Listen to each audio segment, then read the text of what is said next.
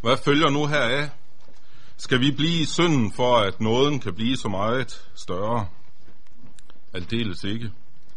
Hvordan skulle vi, som er døde fra synden, stadig kunne leve i den? Eller ved I ikke, at alle vi, som er blevet døbt til Kristus Jesus, er døbt til hans død? Vi blev altså begravet sammen med ham ved dåben til døden, for at også vi, sådan som Kristus blev oprejst fra de døde ved faderens herlighed, skal leve et nyt liv. For at vi vokser sammen med ham ved en død, der ligner hans, skal vi også være det ved en opstandelse, der ligner hans. Vi ved, at vort gamle menneske er blevet korsfæstet sammen med ham, for at det læme, som ligger under for synden, skulle til intet gøres, så vi ikke mere er trælle for synden. Den, der er død, er jo frigjort fra synden. Men er vi døde med Kristus, tror vi, at vi også skal leve med ham. Og vi ved, at Kristus er opstået fra de døde og ikke mere dør. Døden er ikke herre over ham mere. For den død, han døde, døde han fra synden en gang for alle. Det liv, han lever, lever han for Gud. Sådan skal I også se jer på jer selv. I er døde for synden, men levende for Gud i Kristus Jesus. Lad derfor ikke synden herske i jeres dødelige læme, så I adlyder dets lyster. Stil heller ikke jeres lemmer til rådighed for synden som redskaber for uretfærdighed, men stil jer selv til rådighed for Gud som levende, der før var døde, så I bruger jeres lemmer for Gud som redskaber for retfærdighed. Synden skal ikke være herre over jer, for I er ikke under loven, men under nåden. Amen. Kære hårdt arbejdende medarbejdere i Guds kirke. I går hørte vi om den gave og kilde til åndeligt liv, som Gud har givet os i sit ord. I dag handler det så om dåben. Og I præster, I er jo vant til at døbe og snakke med dåbsforældre. Og dåben indgår selvfølgelig ofte i det, vi underviser i som luthersk lærere. Men måske vi indimellem kan have så travlt med at lære andre om dåbens teologi og med at døbe og prædike, så vi glemmer selv at spise og drikke rigeligt af Guds ord, og så vi forsømmer selv at leve i dåbslivet. Jeg kan hende, at vi sommetider lever i en slags praktisk ateisme, hvor vi nok bekender troen på Gud, men handler og arbejder, som om Gud ikke eksisterer, eller som om han ikke handler nådigt med os, sine kære børn. Men dåben er ikke kun noget, der står som indgang til det kristne liv. Dåben er en gave, som vi har lov til at nyde og trøste os ved hver eneste dag. Som I ved, synes Paulus' tekst at forudsætte, at dåben blev foretaget øh, ved neddykning. Måske kunne det være godt for os i det mindste en gang imellem at praktisere dåb på denne måde, sådan som Luther i øvrigt også anbefaler. For så ville vi og menigheden blive mindet om, at dåben ikke er en fortidig afsluttet handling, men derimod Guds gerning, der først afsluttes med døden og opstandelsen. Som Luther siger, på den yderste dag bliver det først virkelig fuldbragt, at dåben betyder at blive draget op for da skal vi opstå fra synd og død og alt ondt, rene på læme og sjæl, og så leve evigt. Der bliver vi rigtigt draget op af dåben og for alvor født, og iføres den sande dåbskjole, nemlig det udødelige liv i himlen. Men uanset altså om dåben foretages som neddykning eller ej, så er dåben en åndelig kilde til vores kristenliv. Det var herligt, at Gud i dåben handlede med os, der er natur af vredens børn og under fordømmelse, fordi vi er uden Kristus og uden håb af naturen. Med sin hellige ånd, der gør levende, Johannes 6, 63, har han genfødt os, som vi lærer i Johannes 3. Ja, han frelste os i det bad, der genføder og fornyer, siger Paulus i Titus 3:5. Vi er i dåben blevet Guds børn. Og deri er der en velsignelse, som vi dagligt bør betragte og glæde os over. I vores daglige virke, så kender vi til, og vores daglige liv kender vi til modgang og bekymring af mange forskellige slags. For vi ved ligesom Paulus godt, at synden endnu ikke er overvundet i os og i verden. Vi lever stadigvæk i vort syndige kød. Synden og døden hersker i verden.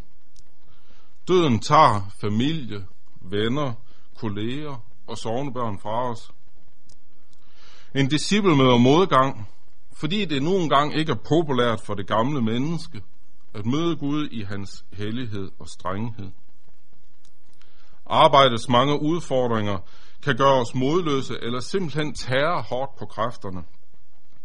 Mange af os slås med vanskeligheder i sindet eller med psykiske sygdomme, som tynger os.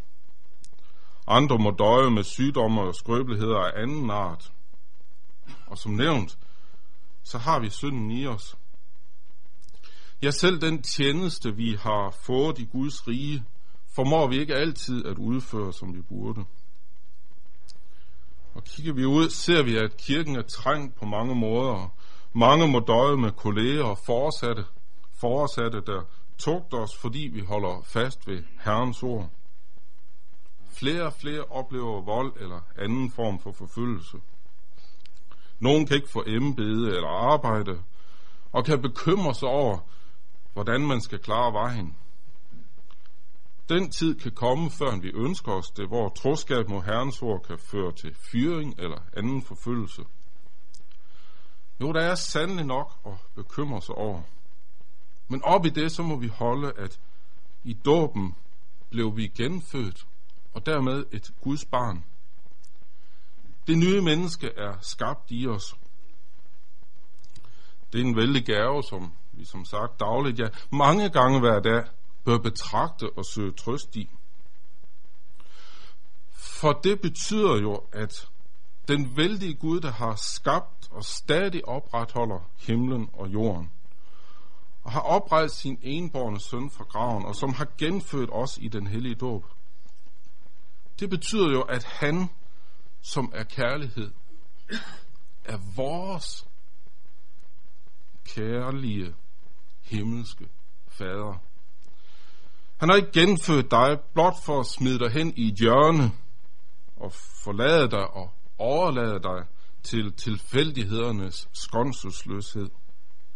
Nej, han har i sin store barmhjertighed genfødt os til et levende håb ved Jesu Kristi opstandelse fra de døde. Til en uforgængelig og ukrænkelig og uvestnelig arv, der ligger gemt i himlene til os. Ja, til os, som af Guds magt ved troen bevares til en frelse, der holdes rede til at åbenbares i den sidste tid, som Peter fortsætter i 1. Peter 1. Gud har virkelig ikke gjort dig til sit barn og til sin tjener, blot for at lade dig vestne som ukrudtet på marken. Og tænk på, at Gud sørger for himlens fugle og markens liljer. Og han har langt større omsorg for jer på alle måder. Ja, hans kærlighed er så stor, at han lod sin søn gå i døden for dig, for at han ikke blot kan overøse dig med den omsorg, han lader såvel gode som onde, såvel retfærdige som uretfærdige blive til del men for at han kan overøse dig med al den himmelske verdens åndelige velsignelse i Jesus Kristus. Derfor så skal du dagligt, og især når træthed, modløshed, udmattelse eller sygdom og forfølgelse tynger dig, betragte den herlige gave, at Gud i den hellige dåb gjorde dig til sit barn i sin nåde og godhed. For Gud er en fader, der sørger langt bedre for sine børn end den bedste jordiske far, som vi kan forestille os. Det gælder sandelig også dig, som har travlt med at døbe og holde dåb samtaler, eller dig, som forbereder dig på at blive ordets tjener, eller os, der underviser. Ja, det gælder en hver af os, som i dåben er blevet indpået på ham, der er det sande vintræ. I ham, som vi i dåben blev døbt til, er der noget og kraft nok til hver ny dag. Gud, vores himmelske far, har altså i dåben genfødt den enkelte af os til et levende håb ved Jesu Kristi opstandelse fra de døde. Eller som Paulus altså siger her i Romerbrevet 6, vi er døbt til Jesus Kristus. Vers 3. Det betyder, at vi er blevet døbt til hans død, i det vi blev begravet sammen med ham ved dåben til døden. Så fortsætter Paulus her. Vi vokser sammen med ham ved en død, der ligner hans. Skal vi også være det ved en opstandelse, der ligner hans? Den gerning, som Gud påbegyndte i vores dåb, den vil Gud føre til ende. Vores dåb er altså et løfte om, at Gud vil føre den troende frem til opstandelsen fra de døde. Ja, dåbens mening og hensigt er slet ikke fuldført føren på Herrens dag, når vi skal stå med lammet og lovprise ham, der løskøbte os fra vores sønder med sit blod. Men nu er vi altså også døbt til Jesu død. Det hører det gamle menneske ikke som noget evangelium, for det er en dødsdom, som er under udførelse. Og det gamle menneske i os vrider sig og snor sig. Ja, det gamle menneske i os råber og protesterer mod sin dødsdom. Og det råber højt, og det gør det ikke alene. For mig en psykologi, politik, ja selv mig en teologi, lægger gerne røst til det gamle menneskes skænger kamp mod sin dødelse. Selvrealisation, alskens såkaldt menneskelige behov, menneskerettighederne og falsk dødelig teologi sniger sig ind her og der. Og det hænder nok, at det også sniger sig ind i vores egne hjerter, og måske endda med op på prædikestolen. Det bliver man blot åndeligt træt og udmaget af, for der er ingen velsignelse, og der er intet liv i det. Men om vi nu formår at holde os fri af de farer, som moderne psykologi, politik og teologi udsætter os for, så er vi ikke dermed færdige med dåben til Jesu død. For det værste, det gamle menneske ved, og det, som i sandhed styrker det nye menneske, det er at få afsløret, bekendt og tilgivet synden. Det gamle menneske kæmper en indædt kamp herimod. Og jo mere denne kamp lykkes, jo åndeligt svagere bliver vi kristne. Og jo trættere bliver vi, der ikke blot er kristne, men også tjener Guds kirke eller forbereder os på det. Men det gamle menneske skal netop dødes, sådan som Gud har begyndt at gøre det i vores dåb. Det gør han ved i sit hellige ord i en ret forkyndelse af lov og evangelium. Det gamle menneske, det vil aldrig nogensinde blive tilfreds med sine forhold.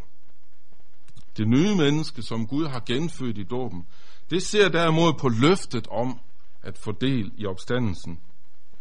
I det lys er dødelsen af det gamle menneske i os med alt det synd et evangelium, som vi gerne lytter til.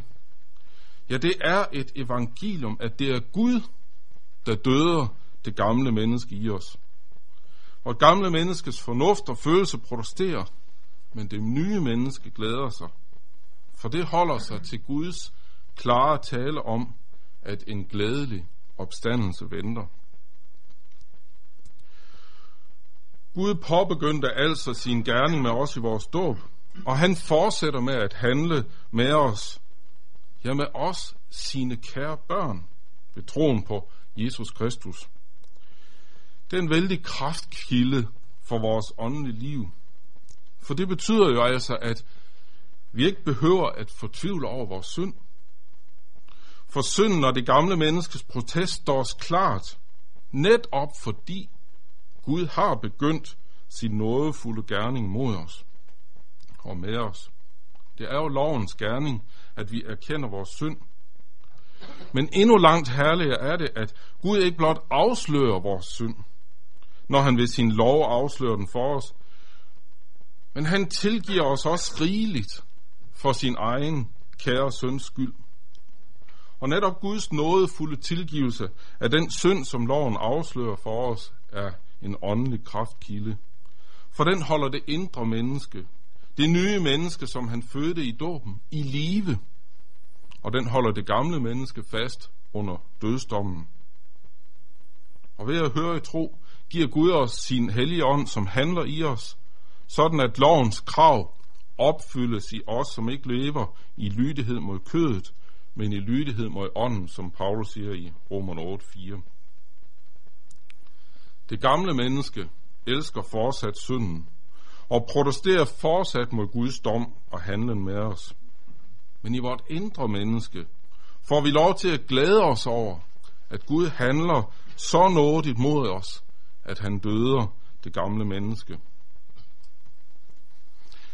Nu hænder det, at det gamle menneske sommertider får magten, så vi ikke ser og oplever andet end sygdom og modgang på den ene eller den anden måde, eller så vi ikke ser andet end synden.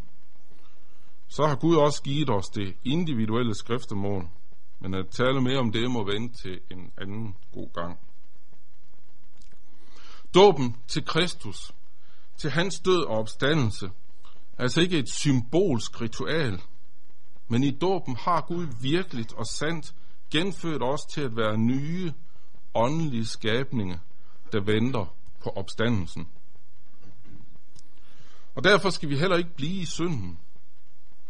For som Paulus siger, at vi døde med Kristus, tror vi, at vi også skal leve med ham. Vi har altså i vores dåb til Kristus fået givet en åndelig frihed til ikke længere at blive i synden, til ikke længere at leve i synden. Som Paulus siger i de første par vers. Vi blev altså begravet sammen med ham ved dåben til døden, for at også vi, sådan som Kristus blev oprejst fra de døde ved faderens herlighed, skal leve et nyt liv. For at vi vokser sammen med ham ved en død, der ligner hans, skal vi også være det ved en opstandelse, der ligner hans. Vi ved, at vort gamle menneske er blevet korsfæstet sammen med Kristus, for at det læme, som ligger under for synden, skulle til intet gøres, så vi ikke mere er trælle for synden, siger Paulus.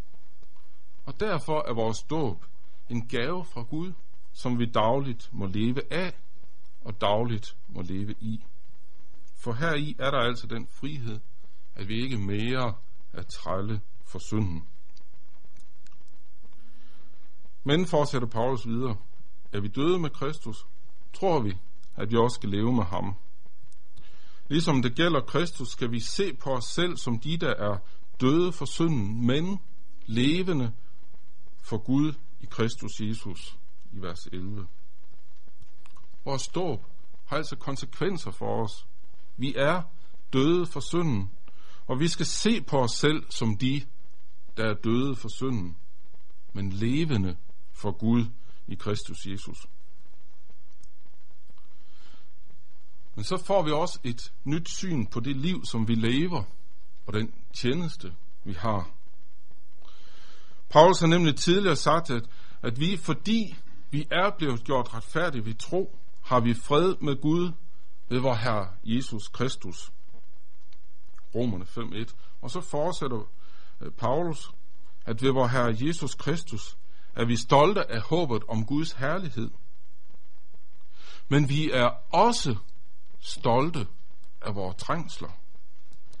Det er vi, siger Paulus, fordi vi ved, at trængslen skaber udholdenhed, udholdenheden fasthed, og fastheden håb. Og det håb gør ikke til skamme, for Guds kærlighed er udgydt i vores hjerter ved Helligånden, som er givet os. Trængsler kender vi kristne til, men trængsler kender en Guds tjener i særlig grad til. Og alt tyder på, at den, der vil være tro mod vor Herre Jesu Kristi ord og befalinger, i stigende grad vil møde trængsler. Det er trængsler af forskellige slags. Nogle af dem kommer indefra, i form af tvivl og mismod eller sygdom af forskellige slags, og andre kommer udefra fra mennesker, og sommetider der fra andre i kirken, der protesterer mod Herrens ord og befalinger. Og nogle trængsler består direkte i hån, spot, forfølgelse og slige ting. Det gamle menneske, det ømmer sig, skriger over trængslerne og forsøger at overtale os til at slutte fred med vores fornuft, vores følelser og med verden, ja med satan. For så forsvinder trængslerne. Og det gør de sikkert, mange af dem. Men på de vilkår ønsker vi, det vil sige vort indre menneske, slet ikke at komme af med sådanne trængsler. Netop fordi vort gamle menneske ikke glæder sig, men protesterer på mangfoldige måder, så må vi arme syndere have hjælp af forkyndelsen af ordet og dåben, eller sommetider individuel sjælesorg, for ikke at lade os overmande og slutte fred med det gamle menneske. Trængsler, modgang og lidelse, det fører nemlig ikke automatisk til himlen. Det kan også føre til desperation, vantro og frafald, selv for et Guds barn og ordets tjener. Det gamle menneske elsker altså ikke trængslerne.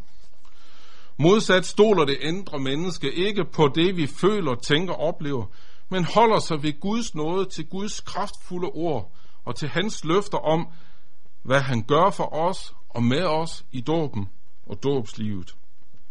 I lyset af Guds ord ser vi klart, at alle trængslerne, ja selv døden, selv døden er et redskab i Guds hånd til at døde vort gamle menneske. Derfor er vi stolte over dem.